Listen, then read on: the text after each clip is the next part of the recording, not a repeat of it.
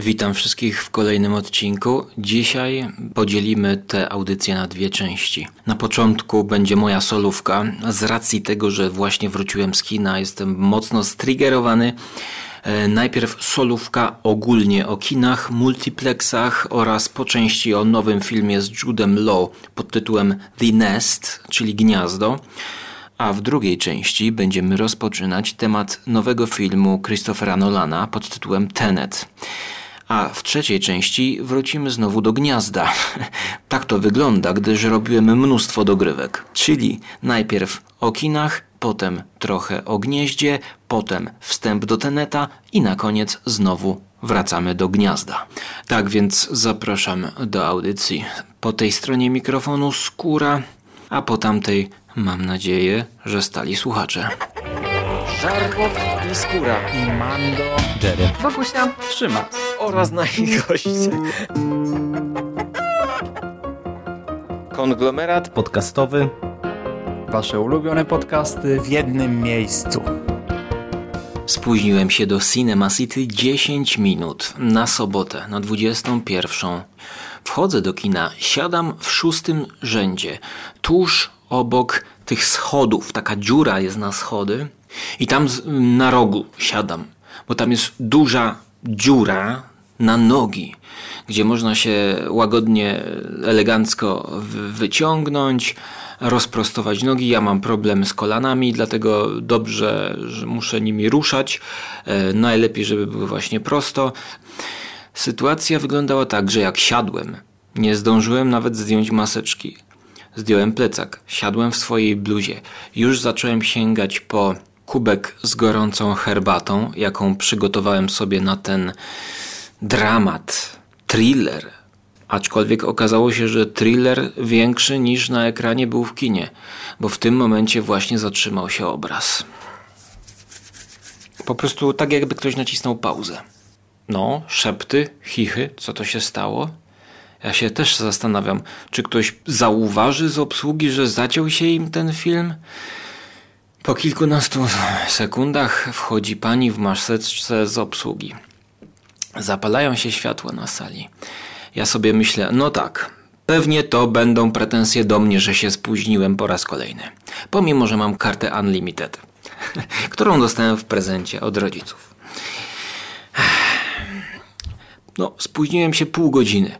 Wliczając reklamy, obliczając kiedy film się skończył, no to 8 minut powiedzmy. 5 minut się spóźniłem na film, dokładnie w scenie, którą potem wrzuciłem podczas seansu kolegom z konglomeratu, żeby zobaczyli, że stanął obraz.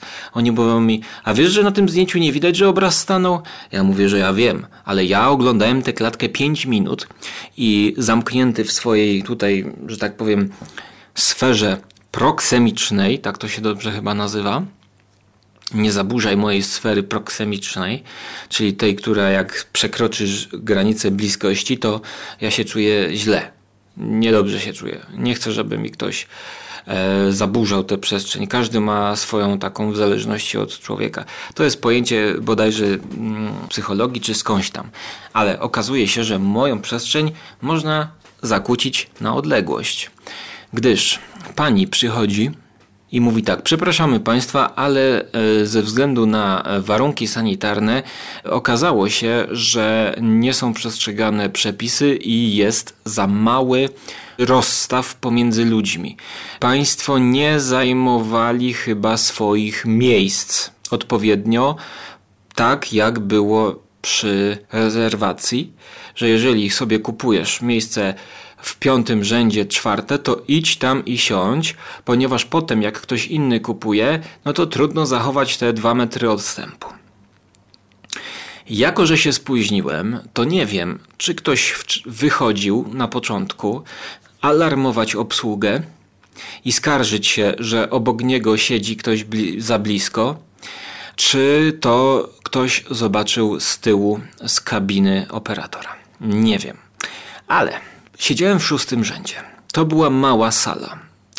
Cinema City ma również małe sale, które w sobotę są, no niestety są, jak się okazało dzisiaj, są dosyć mocno ucieśnione. Gniazdo mm, zbiera pozytywne recenzje, Nie, nie, nie wiem właściwie dlaczego, bo na filmie Niedosyt to sala była, nie wiem, z 8 osób, a tutaj rzeczywiście w ósmym, dziewiątym, dziesiątym rzędzie za mną coś tam było, że było zbytnie nagromadzenie. No i kiedy ta pani z obsługi weszła, to jakaś osoba tam z tyłu, z tych tylnych rzędów zaczyna mówić, że, że tak zwani niedzielni kierowcy jak są, to być może są tacy właśnie sobotni filmowcy, kiniarze, znaczy filmomaniacy, o. E, widzowie kin, o to mi chodzi. Najczęściej ci, którzy y, przychodzą właśnie do kina tak w weekendy, to najbardziej oblegane są te z tyłu miejsca i te na środku. Dlatego ja już wiedząc, ja zawsze chodzę na boki, a w ogóle to staram się w weekendy do kina nie chodzić. Wywiązuje się pewna rozmowa i słyszę, bo nie odwracam się, żeby tam jeszcze napięcia, żeby nie robić gapia z siebie, bo nie lubię tego robić z siebie gapia. Tak jak ktoś krzyczy na ulicy, e, to ja się nie odwracam, bo mnie to szlak trafia. Jakiś idiota idzie ulicą i zaczyna gwizdać i ej, ty, ty, to się nie odwracam do góry, w lewo, w prawo, co, ja, ja, ja? Jakiś obcy facet, no to niech podejdzie do mnie, przepraszam pana, kultura. Więc słucham. Nawet chciałem wcisnąć dyktafon, ale mówię, a dobra, jeszcze ktoś zauważył, że go nagrywam, będzie kolejna chryja. Więc podsłuchuję tej rozmowy. Proszę się tu przesiąść, żeby były dwa odstępy zachowane. I słyszę, jak w tle odzywają się dwie kobiety. Jakoś się ustawiają, nie mogą się dogadać, żeby usiąść odpowiednio. Ja się zastanawiam, do czego to tam doszło? Czy to ja jestem w jakimś przedszkolu, czy w szkole gimnazjum, że jak ktoś rezerwuje i przychodzi na początek, to niech siądzie na swoich miejscach. A jak się spóźnia, no to wtedy niech siada, gdzie wolne miejsca są, w odpowiednim oddaleniu. Tak, czy, czy ja dobrze myślę? Powtarzam jeszcze raz. Jeżeli zamawiasz sobie miejsca, rezerwujesz i przychodzisz równo na 22, jak się sens zaczyna o tej porze, to siądź tam, gdzie masz te miejsca żeby inni mogli się dopasować. Bo potem, jak się ktoś spóźnia, no to jest głupio tak przechodzić, wiesz, no jak ja się spóźniam, to czasami też siadam na pierwsze wolne miejsca z brzegu, żeby się tam nie pchać, jak jest pełna sala, nie przepychać. No i pani z obsługi ustawia, mówiąc, że no, jeżeli Państwo siadają dowolnie, to takie są tego skutki. Mamy takie zarządzenia, musimy ich przestrzegać. No i pani jedna mówi: Nie, nie, nie, nie, nie, bo my dobrze macie błąd w systemie. Na co pani z obsługi odpowiada, że na pewno nie mamy błędu w systemie. To proszę mi pokazać bilety, mówi. No i tam pani coś pokazuje, już nie pamiętam, bo w tym momencie mniej więcej odzywa się jakaś trzecia pani. I ta pani, muszę powiedzieć, że najbardziej mnie zdenerwowała. Jak wracałem do domu, po prostu przyklinałem. Po prostu jak po prostu pod nosem wyszedłem z kina i mówię po prostu przekleństwa. Nagram audycję.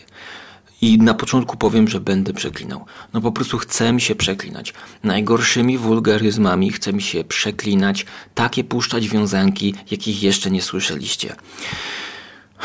I ta pani mówi tak, ta z boku, ta pani mówi. No, już naprawdę, skończmy to i, i puśćmy to. Taki tekst. Co to jest za tekst? Zanalizujmy go. No, już naprawdę, skończmy to i, i puśćmy to. Nic konstruktywnego. Obsługa ma problem. Musi porozszerzać ludzi. Ktoś, być może co siedzi na widowni, ma jakiś problem, bo czuje się zagrożony, nie wiem. Jedni mówią, że to jest przesada, a niektórzy mówią, że to nie jest przesada. Ale ktoś już zgłosił. Być może ktoś zgłosił. Nie wiem, jaka jest geneza tego problemu, ale jest problem taki. Już jesteśmy przy zastopowanym filmie. I teraz pojawia się pani. No, ale już naprawdę, naprawdę nie wytrzymam, bo pauza po prostu doprowadzi mnie do szału. Co to w ogóle jest za zachowanie, kuźwa? No, już naprawdę, skończmy to i, i puśćmy to.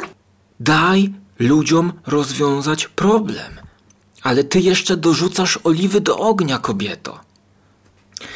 No, naprawdę no i się zaczęło. Zaczęło się potem, no zaczęło się, jakby tak atmosfera się zrobiła no już niemiła.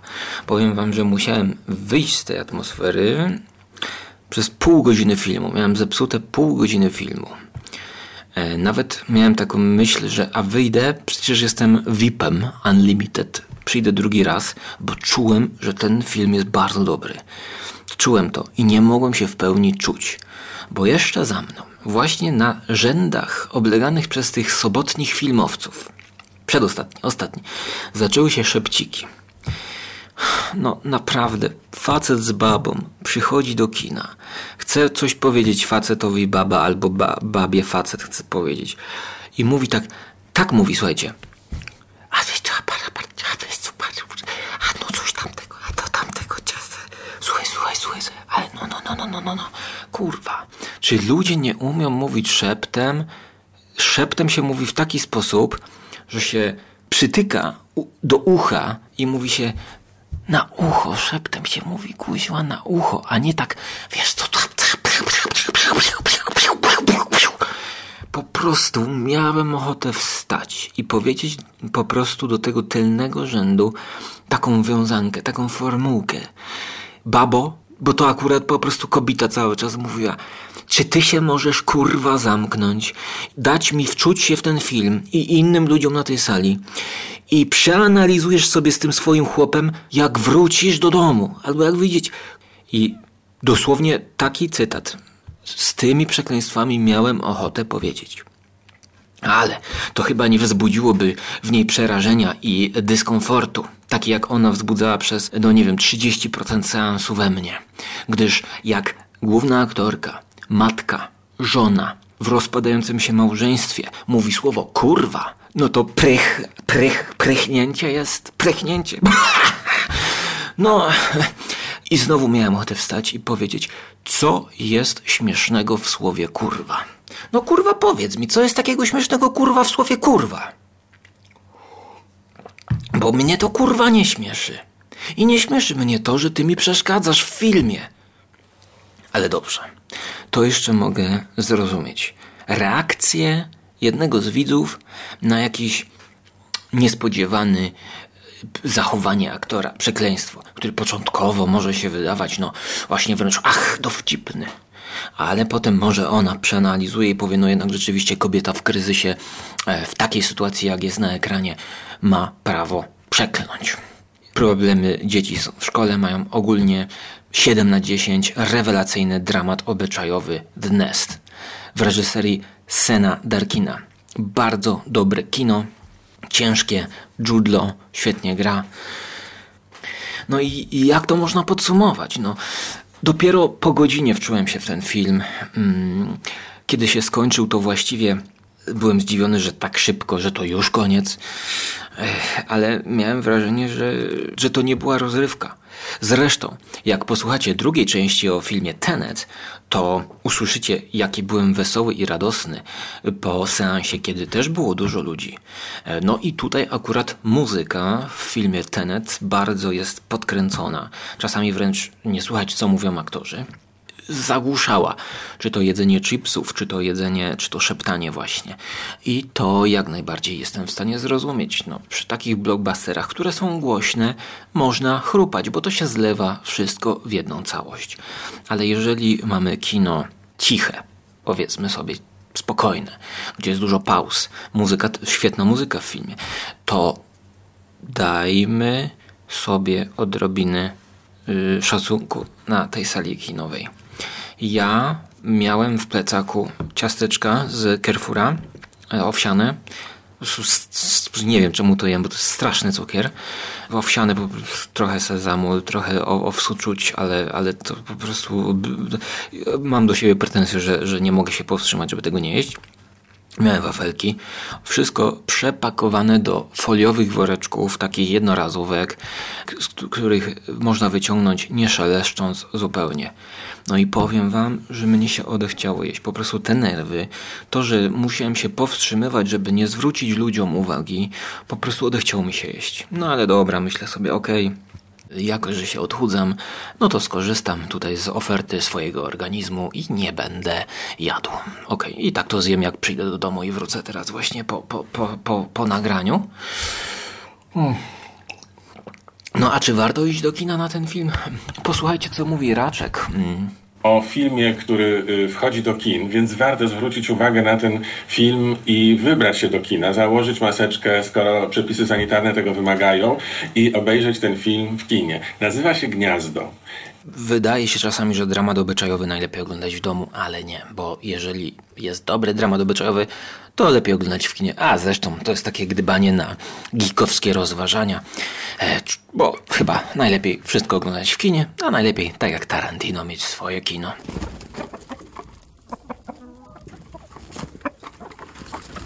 Ale potem zrobiło się jeszcze gorzej w tym kinie, bo kobieta siedząca pięć e, siedzeń ode mnie zaczęła kaszleć. Susan zaczęła kaszleć cały, no, no nie chcę przesadzać, ale no po prostu kaszlała.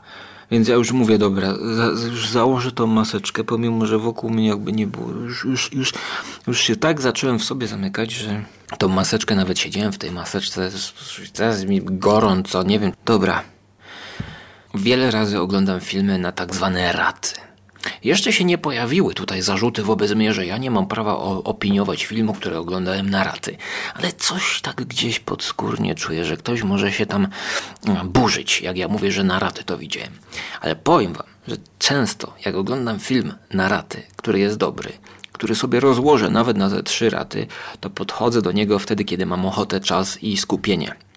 A tutaj w kinie, pomimo, że to było jedno, no właściwie to były dwie raty, no bo zrobili nam przerwę. To, to, to, to ja wolałbym to zrobić na raty, szczerze powiedziawszy. I w ogóle powiedzcie mi, powiedzcie mi, co to jest za stresująca sytuacja, kiedy ludzie wychodzą w sobotę do kina Nagle zostaje przerwany na 5 minut ten film, zostaje zapauzowany. I ktoś nie może wytrzymać i zaczyna zwracać uwagę obsłudze, która rzetelnie próbuje wykonywać swoją robotę, żeby rozsadzić ludzi. No, już naprawdę, skończmy to i puśćmy to. Jeżeli nie chcesz iść do kina, bo mierzą cię te przepisy, to nie musisz iść do tego kina. Teraz są takie obostrzenia. I, I ta kobieta jest tak zestresowana, bo nie może poczekać tych paru minut, zanim tutaj nie zostanie zrobione. Już sobie siedzę, siedziałem tam i sobie wyobrażałem, jakby ta baba się zachowała w, tej w tej sytuacji, co w Stanach Zjednoczonych tam wszedł jakiś świr przebrany do kina i zaczął strzelać, coś tam powołując się na Batmana, Jokera, już nie pamiętam. Nie, o, przepraszam państwa, ale dajmy już spokój, chcę dokończyć film. No ludzie, no, no po prostu ludzie, no nie, nie, nie, nie. Gdyby ze mną był Szymas, tak się zastanawiam, to on w tych swoich odcinkach o filmach, o kinach, multiplexach opowiada, że zwraca ludziom uwagę. No i ja jeszcze nigdy nikomu nie zwróciłem w kinie uwagi. Jakby Szymas obok mnie zwrócił komuś uwagę, to ja bym się szczerze mówiąc bał, że ten ktoś z tyłu wstanie i lutnie nam, że będzie po prostu bójka. Więc to też, jak ja bym zaczął dalej zwracać uwagę, i przeklinać, straszyć ich jakoś tak e, w zaplanowany sposób, próbując wywrzeć na nich e, presję tego typu, że kolejne byłoby jakby nieprzyjemne doznanie, prawda? No bo jesteśmy w tym kinie wszyscy razem, siedzimy tak jakby w jednym wielkim domu, oglądamy ten sam film, wszyscy przyszliśmy zobaczyć to samo dzieło kultury, w jakiś sposób zainteresowało nas. No, no, no ja nie wiem, ja nie wiem, ja nie wiem. No to nie było do, dobre doświadczenie kinowe dzisiaj. No ale być może to jest wasze dobre doświadczenie podcastowe, bo ja na przykład lubię słuchać tak, takich właśnie meta dyskusji o tym, jak się ogląda w kinach filmy. W tym przypadku Cinema City zareagowała dobrze. Niezależnie czy to poskarżył się któryś z widzów, czy zobaczył to operator być może tam ze swojej kanciapy, to y, cieszy mnie, że tutaj akurat Cinema City, a właściwie no obsługa tego konkretnego kina nie siedziała i nie dłubała w nosie, tylko wyszła i pomogła człowiekowi, który za bilet zapłacił. Y, no bo wyobraźcie sobie, jakby ta sytuacja rozwiązała się, łamane przez nie rozwiązała się, gdyby nie było autorytetu. No tutaj autorytet pojawił się z obsługi, ale ta pani, która siedziała, no to jeżeli ja akurat bym czuł się zagrożony, powiedzmy, na przykład obok mnie siedziałaby ta kaszląca kobieta, która mogłaby na przykład wtedy zostać w domu. No za, zakładam, że ona czuje się dobrze, tylko że no krtani boli tylko to chciałbym, na przykład się przesiąść. Ja bym sam wstał z tego ósmego, dziesiątego rzędu i przeszedł sobie do przodu. No ale ona na przykład, załóżmy dobrze, już tak tłumaczmy tych ludzi, ona ma problem z oczami. Więc gdyby ona sama zwróciła tej pani uwagę, no to byłaby kłótnia. Panie, daj mi tutaj na przykład oglądać, to, yy, niech się pani zajmie ekranem. No, kobieta może się bała, yy, a może zanim ja przyszedłem, to już jakaś dyskusja wywiązała i tam ta kobieta nie chciała wyjść. Nie wiem, ale wiem, że czasami Cinema City ma dobre praktyki, a czasami oszczędza ile? 3 zł? 20 zł oszczędza? Z tego względu, że Cinema City swoim członkom VIP-owym Unlimited zaoferowało darmowy bilet do kina dla osoby towarzyszącej. W ramach rekompensaty za niemożliwość chodzenia do kina podczas całej epidemii COVID, ja mogłem sobie zaprosić kogoś tylko we wrześniu, słuchajcie. Nie to, że na, na rok ja mogę wykorzystać, tylko od razu tylko we wrześniu, żeby ci jak najszybciej przepadł ten bilet. Bo oni otworzyli kina bodajże 12 sierpnia. Jakoś tak. Albo 7 sierpnia 2020 roku. No, kiedy przyszedł wrzesień, kiedy kina były otwarte i kiedy wszedł do kin Tenet, kiedy ja wróciłem e, z gór, mówię, dobra, wykorzystam to, e, wezmę e, teraz tego wegetarianina z Żarłok TV. Ale no to przecież pójdźmy do, do IMAXu. Tenet został nakręcony tam specjalnymi kamerami, więc idź do IMAXu. Bo wiecie, jak to działa? Musisz sobie wydrukować kod i ten kod podajesz przy kupowaniu biletów. Więc na stronie nie było miejsca, żeby wpisać ten kod. Więc nie mogłem kupować przez stronę, tylko musiałem na miejscu kupić w kasie. I pytam człowieka w kasie, chyba dzień wcześniej poszedłem specjalnie. Przepraszam pana, czy mogę użyć tego kodu i dla osoby towarzyszącej iść do Cinema City IMAX? Oj, proszę pana, to ja nie wiem, to musi pan pytać tam do IMAXa. To teraz ja mam iść do IMAXu pytać? Okazało się, że ten facet miał wywalone w kasie. Wystarczyło napisać do, na stronę internetową. Co się okazało? Że ten bilet chodzi tylko na seansę 2D. No ja wiem, że na seansę 2D, ale w IMAXie jest 2D. Tenet jest w 2D. Dopytuje, dopytuje, no i niestety ubolewa ten, ten co tam siedzi, że tylko na zwykłe kina. Ja sobie myślę, kurde, ale wtopa po prostu już dajecie ten bilet, który ma być taką nagrodą, taką, takim wywiązaniem się, że, że pamiętali o nas za, za te niedogodności i za, za to wszystko, tak jakby dają coś. No właściwie to nie jest ich wina, ja, ja wiem o tym, ale skoro już tak dają, no to powiem wam, że przez to, że nie można było tego oglądać Teneta w IMAXie, e, no, jak chciałem zaprosić e, znajomego, to Okazało się, że nie mogę obejrzeć Teneta w IMAXie, no chyba, że pójdę drugi raz. A Teneta bardzo chciałem zobaczyć. No ale to wtedy musiałbym kolegę e, zapraszać na inny film. Wiadomo, że Tenet był jedynym ciekawym, takim najgorętszym tytułem. No więc już dobra, zrezygnowałem z tego IMAXa i zobaczyłem Teneta w zwykłym kinie. No i powiem wam, że, że nie rozumiem ilu oni mają tych członków, którzy na cały rok zaufali Cinema City. I akurat właśnie, to jest temat na osobną dyskusję. Mam na cały rok, miałem wielką przerwę, nie mogłem chodzić do kina, czyli te pieniądze są zamrożone, e, te pieniądze okazują się, że teraz w kinach jest mała oferta, a oni mają moje pieniądze już jakby na przyszłość. Y, bardzo by im to y, zrobiło różnicę, bo zobaczcie, ja już widziałem Teneta w zwykłym kinie. Ja już nie pójdę drugi raz do kina.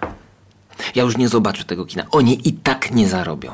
Kolega i tak nie pójdzie drugi raz na Tenet do Cinema City IMAX. Więc takie rozdrabnianie się to, to właśnie w takich szczegółach, takich promocjach, to mnie dziwi. No, ale może ktoś z Was powie, że no, darowanemu koniowi się nie zagląda w zęby, tylko się cieszy, więc ciesz się, bo tak to byś w ogóle nie poszedł z kolegą do kina. A dlaczego mówię, że drugi raz nie pójdę do kina na Tenet? No właśnie. Właśnie, właśnie, właśnie, właśnie. Nagrywam to w październiku, a Tenet widziałem dwa tygodnie temu. Audycja, którą drugą część zaraz usłyszycie, została nagrana tuż po wyjściu z kina w samochodzie. Dogrywka, audycję nagraną z wegetarianinem w samochodzie tuż po wyjściu z kina usłyszycie w osobnej audycji, gdyż nie sądziłem, że tak rozgadam się na temat gniazda i multiplexów, że trzeba będzie to podzielić na dwa osobne podcasty. Jest to ciężki, trudny film do przeanalizowania, do skupienia się, do załapania. Obejrzałem dużo materiałów. Każdego dnia przez tydzień zastanawiałem się, jak dopowiedzieć to, czego nie powiedzieliśmy po wrażeniach na gorąco z wyjścia z kina. I ja właściwie już siedząc na tym kinie, em, zakładałem sobie, że no to na spokojnie pójdę jeszcze drugi raz na Teneta już do Cinema City IMAX. A nie myślcie, że jest tak prosto i tak fajnie, bo 3 zł muszę płacić. To nic, to nic, że mam e, Unlimited. Jeżeli chcę iść do IMAXu, to muszę dopłacać 3 zł za każdym razem, jak idę do IMAXu. Karta Unlimited. No wiadomo, to nie są duże pieniądze, no ale no nie rozumiem tego. Skoro już płacę, no tam 500 zł ta karta kosztowała, więc e, tak, dlaczego nie pójdę drugi raz na Tenet? Biłem się z tym, zastanawiałem się, no muszę jednak iść, muszę rzetelnie to zrecenzować. I powiem wam, że ja obejrzałem sporo materiałów wyjaśniających czasowe zakłócenia w filmie Tenet, chronologię, mnóstwo recenzji. Ech, trochę mi się ułożyło, ale Kluczową odpowiedzią jest to, że nie pójdę drugi raz na Tenet, dlatego że trzeba dopłacić 3 złote. to dogrywka, nie mogłem się powstrzymać.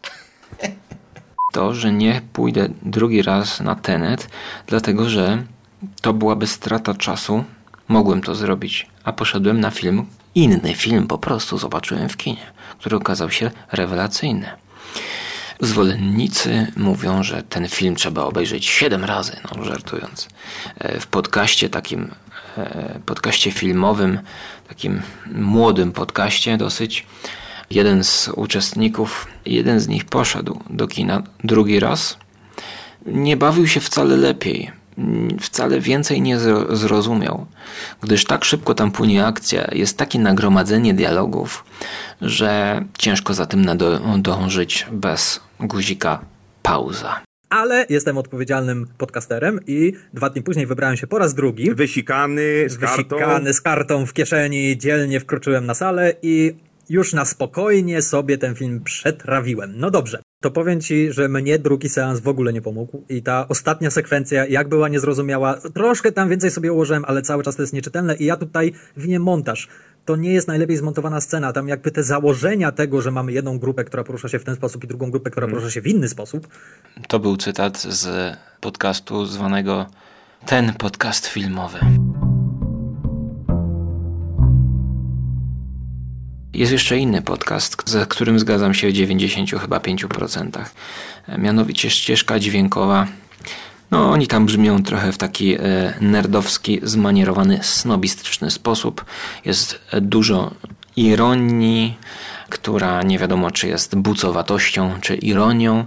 Może to niektórych słuchaczy zrażać, że oni są tacy, jacyś tacy właśnie no, bardzo snobujący się, ale ja bardzo, ja w 100%, no w 95% zgadzam się w kwestii oceny nowego filmu Nolana, która została em, zaprezentowana w podcaście Ścieżka Dźwiękowa. To jest podcast e, sierpniowy. Polecam posłuchać. E, Tam e, zostało mm, scenopisarstwo skrytykowane. Scena ala mm, kino science fiction klasy B lat 50. Tak, tak, tak mniej więcej trzeba byłoby gdzieś tam pozycjonować e, ro, rozpoczęcie tego schematu, kiedy to wychodzi nagle naukowiec i mówi, e, dlaczego ta tarantula e, zmutowała, prawda? Z bardzo skomplikowanych dialogów bardzo łatwo znaleźć takie zdania, które w jakiś taki prześmiewczy sposób będą określać ten film, ale wydaje mi się, że Tenet sam się podkłada w końcówce, kiedy złowrogi Rosjanin, grany przez Kenneta Brana, mówi protagoniście, że robi coś, czego nie rozumie dla ludzi, których nie zna. O tym jest ten film tak naprawdę, to znaczy to jest facet, który nie wiadomo skąd się bierze, robi coś być może dlatego, że podkochuje się w bohaterce granej przez Elizabeth Dębicki, ale tego też nie wiadomo. Nie ma tak naprawdę żadnej motywacji poza uratowaniem świata. No jest niesamowicie nudny. Bardzo długo szukałem jakichś jego cech charakterystycznych, oprócz fantastycznie skrojonych ciuchów. I to jest chyba to, że on się lubi podciągać na różnych drążkach. To jest Znaczy on, on nawet w pewnym momencie mówi, mówi że nie, nie nienawidzi tych ludzi, których zabijał, A, tak? Tylko, to że to są- byli mu obojętni w większości. A, jest to bohater który, bohater, który ma obojętny stosunek do świata, jednocześnie w pewnym momencie na szali losów tego świata, na przeciwwadze tej szali tak kładzie tą e, właśnie Elizabeth Dębicki, który, z którą nie wiadomo jak wygląda jego relacja, no bo kompletnie jej Nolan nie jest w stanie, e, nie jest w stanie narysować. Tym- Aha, no, nie, no tej postaci, no Kenneta Branaga na pewno też trzeba, trzeba wiele powiedzieć, no bo to jest postać, która, e, no, która znowu składa się z takich klisz, ale takich klisz, które w tym przypadku już e, tak naprawdę kontrują się nawzajem i znoszą się jakoś e, no, w, jakiś, w, jakiś, w jakimś takim przedziwnym konglomeracie, to znaczy e, ta, ta, ta postać nie jest skomplikowana. E, antagonista e, z tych bondowskich filmów, taki, e, taki zły Rosjanin jeszcze gdzieś tam przeszczepiony z czasów zimnej wojny. Zresztą na początku się tu mówi o zimnej wojnie i chyba cały czas. Bardzo zimnej e, no, no, Nolan chce tak. No tak, no to może też usprawiedliwia chłód tego filmu w jakiś sposób. Tak. No i tutaj też wydaje mi się, że Nolan wychodzi z założenia, że jeżeli mielibyśmy, nawet jeżeli mamy do czynienia z maszyną, jakimś tajemniczym wirnikiem, który jest w stanie sprawić, że nam się wydaje, że odwraca się czas i tak dalej, i tak dalej, to w praktyce walka o ten wirnik i tak wyglądałaby jak regularne kino szpiegowskie.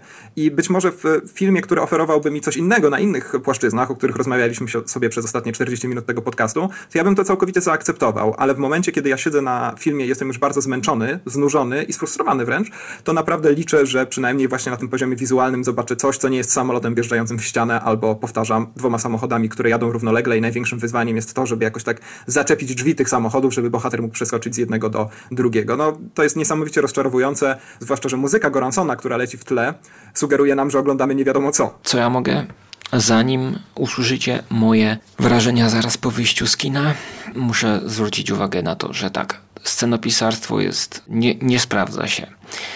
E, Mark Kermody, czyli mm, krytyk obecnie BBC, stary wyjadacz, mówi, że wciąga ten film, ale w pewnym momencie on przestaje rozumieć. I zdaje sobie sprawę, że gdyby zapytał Christophera, o co chodzi tutaj, dlaczego to jest tak, a dlaczego tamto inaczej, to Christopher Nolan na każde pytanie miałby swoją odpowiedź. Wynika z tego, że scenopisarstwo po prostu zawodzi. Skoro ja nie mogę złapać, co tu się dzieje, to scenopisarstwo zawodzi. Opowiadanie historii w tym przypadku zawodzi. To say that there were times I was thinking, okay, there's stuff being said here that I'm not getting, and that does bother me. I did find myself going, hang on, hang on, hang on, hang on. Why is why why is that going forward and that going backwards? And I had a sense that I'm sure all of this makes sense because I'm sure that Nolan knows exactly why everyone is doing everything at the moment they're doing it. But I don't. And in fact, there was a point when I thought, okay, I what I'm going to have to do, I'm going to have to come back and see this again. I will go back and see it again because I trust Nolan. I'm sure it all matches up, but it wasn't matching up for me. But this is this brings me to the central hesitation that I have about it. Having said all those things about how much I enjoyed it, and these are problems that I'm sure could be solved if not by a second viewing, but then by a third viewing. And I'm sure that if Christopher Nolan was there and you were pressing pause, you go, "Hang on, why is that? Why is that?" And he would have an answer for every single thing. But I have many, many questions, but the questions are mainly what and how, as opposed to the wider question of what does it mean? On the first viewing, I didn't get that gut emotional involvement that I have had with previous Nolan films. Uh, a friend said to me, Is it not a failure of storytelling? Almost everybody is saying, I have to go back and see it again. Should it not be possible to get and understand and follow, comprehend first time round? I think there is something in that. I mean, I think one of the great things about Inception is that it's a really complicated story, but it does does explain itself. I think there is a legitimate question, which is I've spoken to somebody who went to see it who said, and this is what they said. They said, I came out of it feeling stupid. And I said, why? And they said, because I didn't understand it. And I said, well, it's okay. But what point did you stop understanding it? And I said, well, that's exactly the same point that I think everyone stops understanding it. And then the question is, okay, is the problem then with our inability to keep up or that the storytelling isn't clear enough? Okay. I actually don't know what the correct answer to that is, but I think it's not that we're all, you know, um, I said, I love the fact that Christopher Nolan imagines that an audience can keep up with things. Okay. There just may be a storytelling issue if we can't. Dajmy na to, że ja to obejrzę drugi raz. Czego się tam dowiem? No już nie, bo ja sobie już wszystko wyjaśniłem, czego nie rozumiałem w tych filmach na YouTubie, gdzie jest rozpisana linia czasowa i pokazane na wykresie. Mimo to ja nadal mam wątpliwości co do tych elementów czasoprzestrzennych, które działają tak albo tak wymyślił i założył Christopher Nolan. Nie kupuję wizji tych nabojów, naboi, które wracają w czasie. Ten film jest o paradoksach czasowych. I jest to trudne do przeprowadzenia, gdyż mnoży pytania. Być może te same pytania są wynikiem paradoksalnych założeń. I moje pytania są po prostu też paradoksalne, gdyż po prostu są na bazie niemożliwych do wyjaśnienia zdarzeń. Najlepszą książką to jest według mnie Isaac Asimov Koniec wieczności. Właściwie tutaj jest to taka chyba wariacja trochę Christophera Nolana na, na te motywy, które no najpełniej, najrzetelniej w mojej opinii zaprezentował Isaac Asimov koncepcję podróży w czasie i rodzących się z tym paradoksów, wiążących się z tymi paradoksami. Jeśli chodzi o wizualia, oczywiście ja polecam ten film obejrzeć w kinie, a najlepiej w Cinema City za pierwszym jednym razem. W IMAXie, że jest w pół do drugiej w nocy. Dlatego, że no, zdjęcia są znakomite, ale jednak rozczarowujące. Ile to ja nie słyszałem o tym, że taniej jest rozwalić prawdziwy samolot niż zrobić to w CGI. O, tak, tak, Christopher Nolan. Wreszcie rozumiesz mnie. Ja też nie chcę oglądać pikseli na ekranie. I jak ja zobaczyłem, jak ten samolot jest rozwalony. Aha, ale to było to wielkie halo?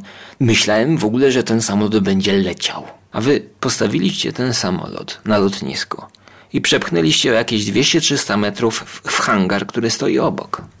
To, to nie jest szczyt współczesnego kina akcji, jakie sobie wyobrażam. To nie jest zapierające dech w piersiach, tak jak na przykład Incepcja. Koniec końców jestem bardzo rozczarowany.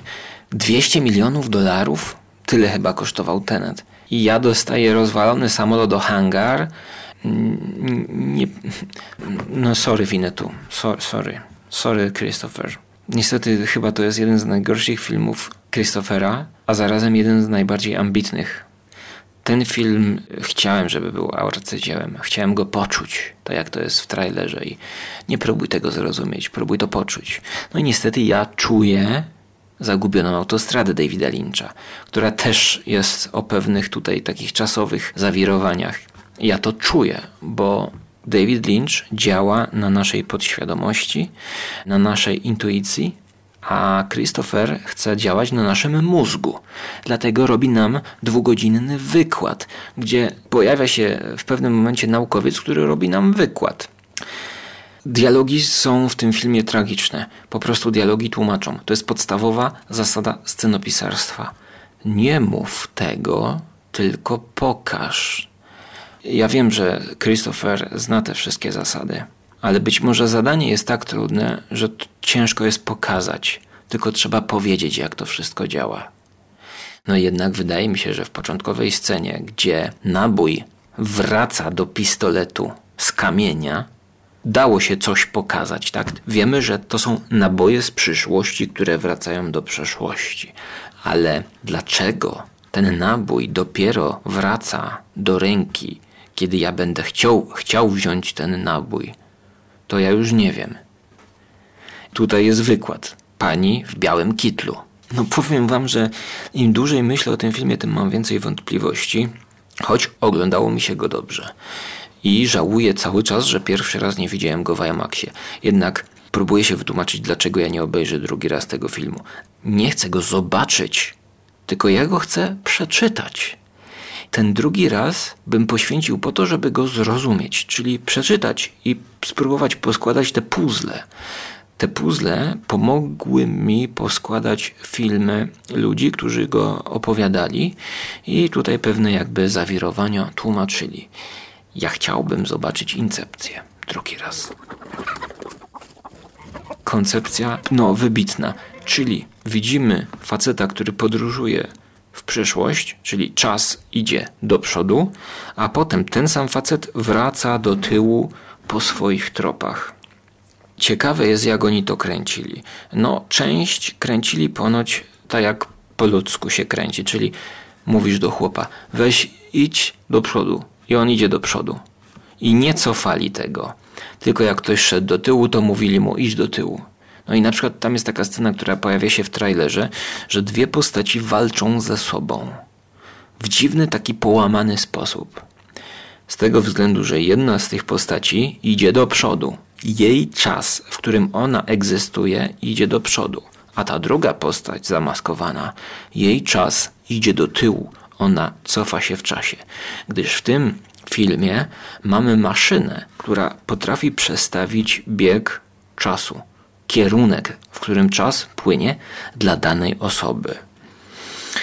Jest to bardzo ciekawa koncepcja, bardzo przekonująca, że jeżeli chcemy wrócić do przeszłości, to musimy odwrócić bieg czasu i powrót na przykład do wydarzeń sprzed tygodnia zajmie nam tydzień. Zajmie nam tydzień czasu. Nie tak jak w maszynie czasu, że pyk i ja jestem przeniesiony, przetransportowany, przeteleportowany do przeszłości, tylko ja muszę odczekać swoje. Mój organizm się zestarzeje. Nie będę odmładniał się, tylko będę po prostu czekał, aż ten czas wróci. E, a potem będę musiał przejść do przyszłości. I właśnie, jak ja się przyspieszę do tej przyszłości? No, zaczekam, zaczekam aż ta przyszłość sama przyjdzie, tylko wtedy będę musiał być w innym miejscu. Mm. No i tutaj znowu się rodzą kolejne paradoksy. I właściwie jak tak długo nagrywam, to myślę, że ta druga część e, pójdzie mm, jako osobny jednak podcast. To będzie takie wprowadzenie, gdyż po pierwsze, ja tam mam bardziej emocjonalne nastawienie zaraz po seansie. Teraz jest późno w no, nocy, ja nie mogę emocjonować się, muszę mieć taki stłumiony głos trochę, żeby ludzie tutaj za ścianą nie, nie pobudzić ich. Więc to jest, to jest część po seansie, po przemyśleniu. To był taki seans, że ja wystawiłem ocenę, ale sam się zastanawiałem, czy ja pozytywnie oceniam ten film, czy negatywnie. No niestety powiem wam, że jednak to, co najbardziej się przebija z mojej oceny i z mojej takiej suchej, mózgowej oceny, to jest chłód. To jest chłód, że to nie jest właśnie film, który muszę poczuć, tylko to jest film, który ja muszę wyliczyć, przeliczyć, rozpisać, przeanalizować, ułożyć te sceny do kupy, sobie poukładać, a i tak mam pytania, bo mi nie gra parę rzeczy. Nie gra mi parę rzeczy. Gdyby też nie muzyka i jej tempo, w którym nic się nie dzieje na ekranie, a ta muzyka robi no to ja jako człowiek, który wczuwa się szybko, potrafi się wczuć w muzykę, to nie wiem, czy bym tak e, w napięciu siedział jak na pineskach, jak na igłach. E, te wszystkie argumenty przebijają się zarówno u Tomasza Raczka, a także e, w ścieżce dźwiękowej półtora godzinny podcast, gdzie oni tam mocno skrytykowali Teneta. No więc krótko mówiąc, to jest bardzo pomieszane i wymaga ogromnej precyzji. Tej precyzji nie ma. No i y, konstrukcja y, psychologiczna tej postaci jest tak prościutka, jest taka. taka rysunkowa, jakaś taka nie, nie do uwierzenia, że można chcieć nas zainteresować taką telenowelową historią. Togma Twanina, takich fantastycznych wyobrażeń, podbitych, podbitych tym niby naukowym y, rozrysem walki z czasem, zabawy z czasem, zabawy w to, co było, w co będzie, tylko mam podejrzenie, że Christopher Nolan, który bardzo się na tym napracował, miał ten sam problem co Kenneth Branagh. Mianowicie on do końca nie rozgryzł, nie zrozumiał tego procesu, który chciał pokazać. Nie do końca poznał mechanizm tej zabawy z czasem, tej rozgrywki z czasem, ponieważ nie umiał go nam wytłumaczyć. Ten film jest zagmatwany i męczliwy. Taki no, dwie i pół godziny. Dwie i pół godziny ta, takiej szamotaniny z czasem i takiego udawania Bonda, ale tylko chwilami, bo bez przesady. To, to nie ma być film, który, który jest Bondem. Producent, gdyby był silny producent, który potrafi Nolana chwycić za gardło i powiedzieć, człowieku, to nie jest jeszcze gotowe, pracuj dalej. No ale jak jest producentem jego żona. Puszczę osobno recenzję Teneta, dlatego że druga strona odbioru jest taka nachajpowana właśnie, taka sprawiająca czystą rozrywkę kinomaniaka. Tam brzmimy jak dwóch geeków, którzy poszli i się cieszyli tym obrazem. Ja chcę, żeby to też wybrzmiało. Myślę, że tam trafią też inni słuchacze, będzie to krótsze. Tam będzie więcej energii i optymizmu przebijało do mnie. I ja też chcę powiedzieć, że no nie wycofuję tamtych opinii. Dlatego, tak jak Christopher Nolan zaproponował Wam dwie linie czasowe w jednym filmie, to ja proponuję Wam dwa podcasty. Proponuję Wam, że gdzieś pomiędzy tutaj wychodzi moja prawda o tym filmie, mój odbiór i to, jak się bawiłem. Początkowo bawiłem się dobrze, a czym więcej myślałem, no to doszedłem do tego momentu. Można powiedzieć, że ten odcinek nagrywam po pierwszym odcinku, ale puszczam go jako pierwszy, a pierwszy pójdzie jako drugi, czyli dokonała się zamiana rodem z tytułowego Tenet, słowa, którego czytamy w SPAK, czy od przodu, czy do tyłu, jest to ten sam Tenet. Niestety słowa podcast nie da się tak czytać, ale słowo teżet da się czytać w SPAK, a do tego nawiązałem w scenie, którą nakręciliśmy z kolegą, którą gdzieś włożę na Żarłok TV. To są tak zwane jaja z filmu Tenet e, w formie jedzeniowej. To będzie w filmie, w którym uruchomię Patronite'a Żarłok TV. Świetnie się bawiłem podczas kręcenia i pisania scenariusza do dwuminutowej scenki, która jest parodią Teneta. Scenariusz nazywał się Teżet.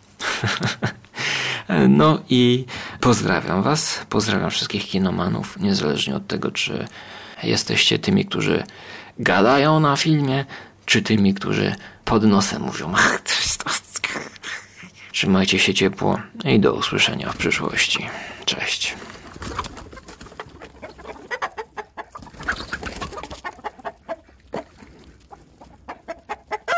I witam w przyszłości. Tym razem w ostatnim segmencie, w którym lecimy do gniazda.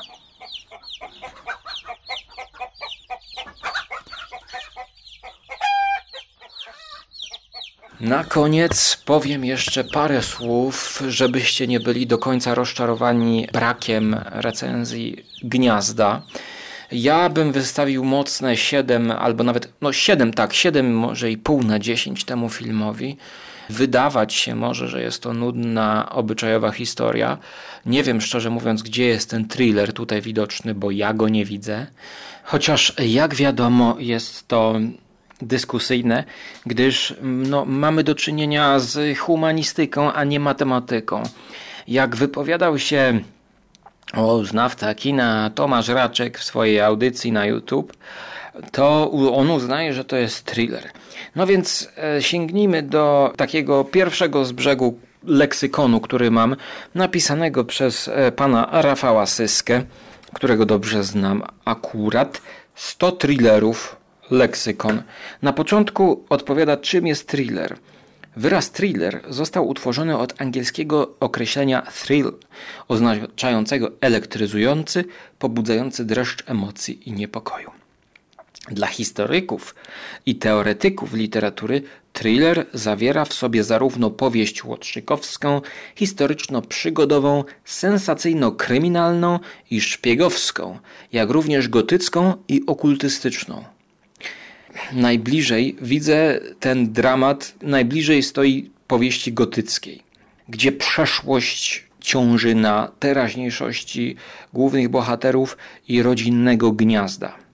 Nierzadko thriller jest traktowany jako formuła nadrzędna wobec gatunków sensacyjnych, łącząca filmy nie tematem, nie charakterem postaci, repertuarem konwencji i ikonografii, lecz charakterystycznym stylem i narracją, stale potęgowanym niepokojem i świadomością ciągłego zagrożenia.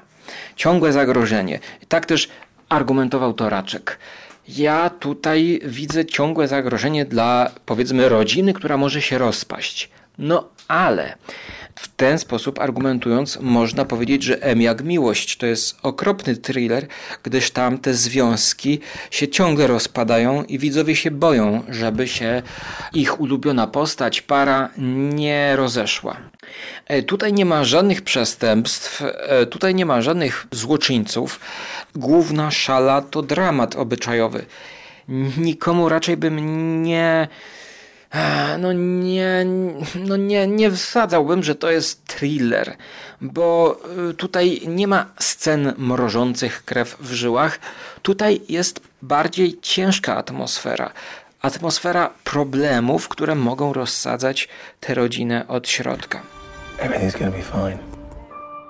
W przeciwieństwie do westernu czy musicalu, thriller nie posiada tak skodyfikowanego schematu ograniczającego swobodę konkretnych realizacji. Nie może odwołać się do pojedynczych wzorców kształtujących charakterystyczny styl i zamknięty panteon tematów. Na pierwszy rzut oka wydaje się, że dreszczowiec jest bardziej pochodną stylu niż tematyki. Intryga fabularna thrillerów, charakter postaci, następstwo zdarzeń, wreszcie kształtujące opowieść konwencje i repertuar ikonograficzny wywodzą się z innych klasycznych form gatunkowych. Od wizji reżysera zależeć będzie natomiast sposób prezentacji całego materiału. Nie każdy film reklamowany jako thriller zasługuje na to miano. Uznanie jakiegoś dzieła za dreszczowiec jest formą nobilitacji, nagrodą za umiejętne operowanie specyficznym typem dramaturgii. Dreszczowiec nie jest w tym rozumieniu gatunkiem, a raczej jednym ze sposobów prezentowania zdarzeń, metodą komunikacji, w pewnych sytuacjach najatrakcyjniejszą. W tej sytuacji można sobie wyobrazić dreszczowiec melodramatyczny. I tutaj Syska podaje jesienne liście i gasnący płomień. Dreszczowiec przygodowy, poszukiwacze zaginionej arki, czy dreszczowiec katastroficzny, chiński syndrom.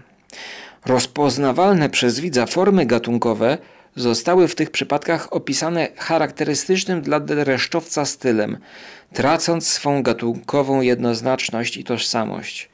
Thriller żywi się klasycznymi formami gatunkowymi, pasożytując na utartych konwencjach. Spróbujmy jednak spojrzeć na dreszczowiec jako na gatunek, odnaleźć w nim powtarzające się motywy fabularne, konwencje i definiujące go cechy. No i tutaj facet definiuje cechy model Everymana, model pojedynku z szaleńcem, model odkupienia win, charakterystyka filmowego thrillera chaos, labirynt, odcięcie, klaustrofobia, jedność czasu, napięcie, środki plastyczne, realizm. To są wszystko rozdziały, które ja pomijam.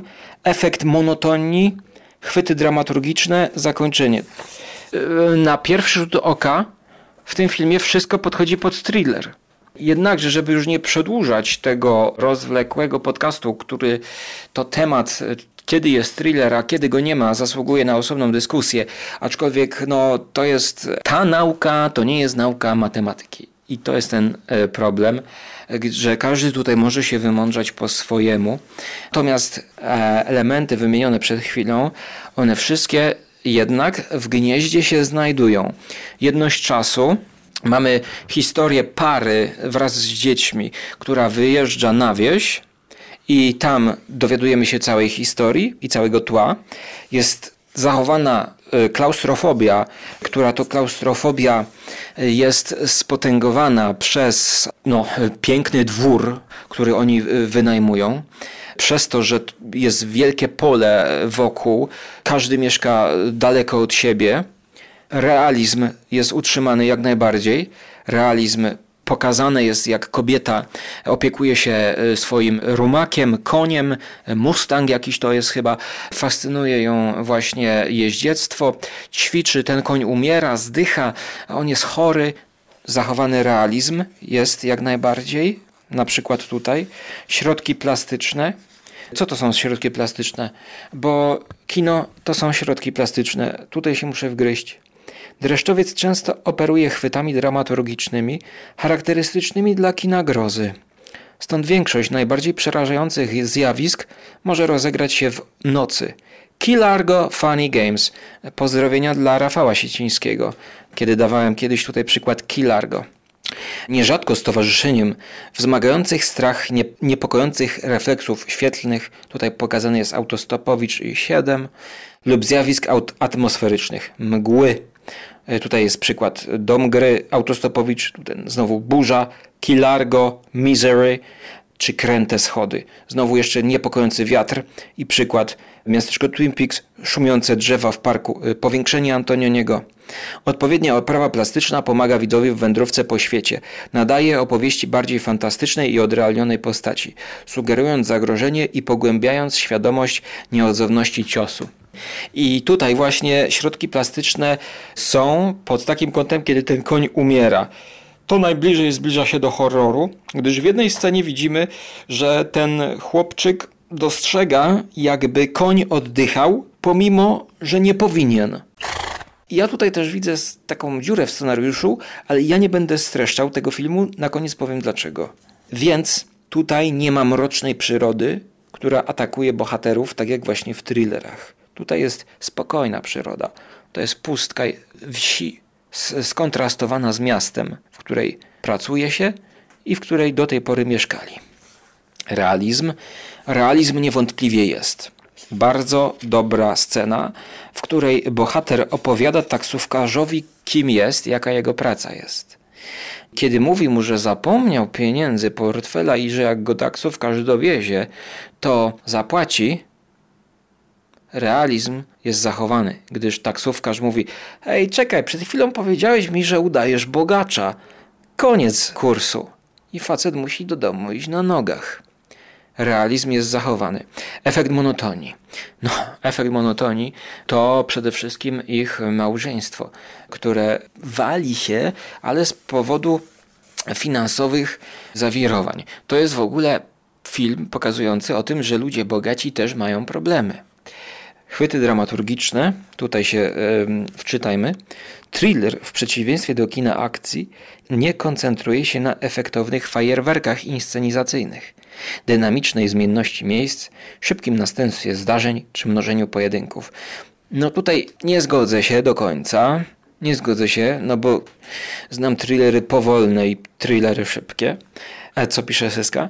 W zamian buduje napięcie – powolną, często surową i beznamiętną narracją, opierając się na nieśpiesznym tempie, inteligentnych niedopowiedzeniach, retardacjach, repetycjach, pozornych punktach kulminacyjnych, wreszcie rozbudowanych, kluczowych dla fabuły scenach. Na przykład celebrowane sekwencje napadów w asfaltowej dżungli, scena znoszenia ciała przez klatkę schodową w pełnym słońcu lub przesłuchiwanie taśmy w rozmowie – Zazwyczaj źródłem napięcia w filmowym thrillerze jest oczekiwanie na nieodzowny cios, choć nierzadko sama przyczyna strachu jest nieokreślona, trudna do zdefiniowania, a często jedynie sugerowana. I tak, tutaj właśnie sugerowane jest ciągle, że ta rodzina się rozpada. Pokazane mamy dzieci, które się boją, które jakoś odreagowują w szkole. E, Jedno dziecko się zamyka, drugie zaczyna imprezować. Więc w tych tutaj kontekstach, jakie ja przeczytałem, to jest thriller, ale jest to płynna ocena tego może być. Ja skłaniam się na 51% melodramatu i ten dramat właściwie tutaj obyczajowy przewyższa thriller. Mówię to dlatego, że jest to bardzo dobry dramat, którego y, trudno nastawiać się na thriller, gdyż ja teraz dowiedziałem się, że w ogóle byłem na przedpremierze, dlatego było chyba tak dużo ludzi i sala pełna prawie. I właśnie, jeżeli ktoś na to pójdzie do kina, bo to wchodzi 9 października, e, to jest debiut reżyserski, Shena, Sean Darkin, Sean Darkin, to nie chciałbym, żeby ktoś był rozczarowany idąc na thriller. Tu jest narracja powolna, ten film trwa 107 minut. W mojej opinii argumentem przechylającym szale na to, że jest to dramat, a nie thriller, jest muzyka. Muzyka, która nie wprowadza napięcia, no też to też kwestia sporna, ale ta muzyka bardziej niż napięcie wprowadza smutek i właśnie żal. To jest smutna muzyka. Dobra jest to muzyka, motywy szybko zapamiętają w pamięć, ale muzyka przede wszystkim ma tutaj dołować widza. A nie tak jak na przykład w tenecie. Coś tu się dzieje, coś tu się dzieje, zaraz coś wyskoczy, nie wiesz co się dzieje, nie wiesz co się dzieje, gdzie tu się spojrzeć, gdzie uciekać, do przodu czy do tyłu, czy mam się cofać w czasie, czy biec do przodu, chłopie, gdzie wiem, gdzie mam uciekać. Muzyka tutaj po prostu jest ciężarem, który widz musi unieść. Smutna muzyka, jakiej nikt nie chciałby sobie puścić na domowej imprezie. Build your own place. Own your own horses. Something doesn't feel right. Dodatkowo, ja bym powiedział, że jest tutaj happy end, a thrillery chyba tego nie lubią. Więc w mojej opinii jest to świetny dramat obyczajowy o rozpadającej się rodzinie i problemach klasy wysokiej, bogatej, to jest handlowiec i o tym, że ludzie y, bogaci też mają problemy. I według mnie to jest bardzo rzetelnie zrobione. Y, głównym jakby tutaj pomysłem na tę fabułę jest to, że ten ojciec, y, biznesmen, który tutaj handluje i, i zmienia już chyba trzeci czy czwarty raz miejsce ich zamieszkania domu, to on udaje, że tak dobrze mu idzie w tej pracy. On w pracy udaje przy, przy spotkaniach wszystkich, że lubi robić to, czego nie lubi robić. Na przykład na jednym ze spotkań mówi, że no nie ma nic lepszego niż pójście do teatru. Zobaczyć Antonego Hopkinsa kilka metrów od siebie to jest niesamowite przeżycie. Ale w pewnym momencie tego zakłamania nie wytrzymuje jego żona i przy, przy takim właśnie spotkaniu biznesowym, na którym trzeba się umieć zachować, ona mówi: Przestań pieprzyć, bo nigdy nie lubisz chodzić do teatru. Ona chce to przerwać, ona chce to przełamać, tę te, te zasłonę, tę maskę. No i o tym też jest właśnie ten film. O zrywaniu tej maski i o zrywaniu tego, co e, buduje się wokół siebie, żeby mieć sukces. To jest film z happy endem. Dlatego ja polecam go ale nie polecam go mi miłośnikom e, tutaj thrillera. To znaczy oczywiście polecam go no, e, fanom Polańskiego jak najbardziej, ale to, to też nie jest taki thriller jak na przykład Nóż w wodzie. No właśnie, Nóż w wodzie to, to jest zdecydowany thriller obyczajowy, a tutaj szala idzie wobec dramatu. Dobrze, ale ja już tak właśnie nie chcę mówić, bo ja nie chcę właśnie streszczać tego filmu, gdyż on ma swoje pewne zaskoczenia. Na pewno na pewno też w kilku miejscach poczujecie pewne zwroty akcji, więc niech on zostanie dramatem. I to jest już podsumowanie tej długiej audycji. W następnym odcinku będzie już stricte o Tenecie. Jestem ciekawy, jaki będzie kolejny, drugi film tego reżysera. Przepraszam, to nie jest debiut, najmocniej przepraszam. To jest drugi, przypomniałem sobie, to jest drugi pełnometrażowy film Shona Darkina, czyli kanadyjskiego reżysera, który wcześniej już zrobił 2011 roku Martha May Mercy May Marlene. Dramat, mystery, thriller. Grała tam Sala, Sarah Paulson, dlatego nie będę się wypowiadał. Dodam jeszcze, że na IMDb ten film, właśnie jego poprzedni, pierwszy jest jako dramat, mystery, thriller, a samo Gniazdo widnieje jako sam dramat, tylko dramat. Na moment, w którym to nagrywam, ma 430 polubień, a ocena 6,7. Teraz będzie wchodził do kin, dlatego y, uważam, że jeżeli interesuje Was poważne kino do przemyśleń, tak zwanych, to jest coś, co Wam da materiał do rozmowy, do dyskusji, do zastanowienia się nad swoim związkiem i tak dalej, i tak dalej. Kuźwa mać, tyle się nagadałem dzisiaj. To, to, dwa, to, ta dogrywka jest w zupełnie innym dniu. Je, jeszcze, jeszcze dogrywka ostatnia, przepraszam. E, wydaje mi się, że kluczowym też elementem to jest zagrożenie życia. Otóż, jakby to strasznie z moich ust nie brzmiało, tutaj jest zagrożona tylko rodzina. Wiem, że to straszny temat, ale tutaj nawet załóżmy, że rodzina się rozpada, to nie jest zagrożone życie w bezpośredni sposób żadnego z członków tych rodziny. Chyba, że będziemy znowu dyskutować i tak przyszłościowo, że no w związku jak się rozpadnie rodzina, to córka pójdzie w narkotyki całkowicie, a mąż popełni samobójstwo. No nie, nie, nie. Tutaj też to bym dawał. Patrząc na ten poprzedni film reżysera Martha Mercy May Marlene, który już mnie kusi, żeby obejrzeć, tam główna aktorka, e, dziewczyna, była zagrożona przez jakiś dziwny kult. Patrząc po samym opisie, domniemuję, że to jest e, zagrożone było jej życie. Taki tutaj element też bym e, wskazał do dysputy, do, do, do rozważań.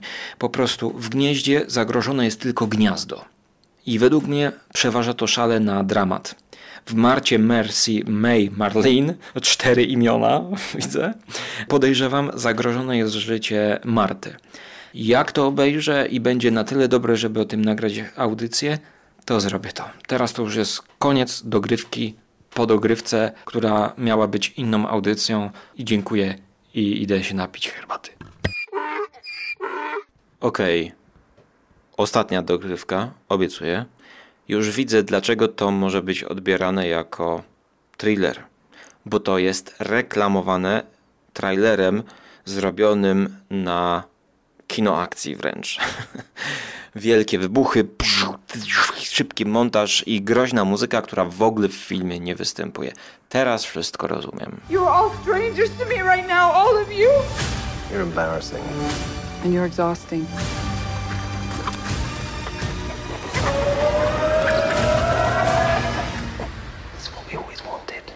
Okej. Okay. Czwartego dnia zakończę dogrywką z sucharem. Może tym, którzy uznają to za thriller, myli się to z filmem The Nest z 1987 roku ze stajni Rogera Cormana, który jest reklamowany takim taglinem Roaches have never tasted flesh until now. She's just an appetizer. I na okładce widać taką panią w bikini, na której siedzi wielki karaluch wielkości tej pani i ją tak gryzie. Piękna okładka, a w samych screenach z horroru widać mnóstwo krwi i zdeformowanych ciał, rodem wręcz z filmu The Thing Carpentera. Myślę, że to jest coś, co powinno wejść do serii złe filmy. Ale czy za to się zabiorę? No to zobaczymy. Okładkę zobaczcie na naszym Instagramie konglomeratu podcastowego.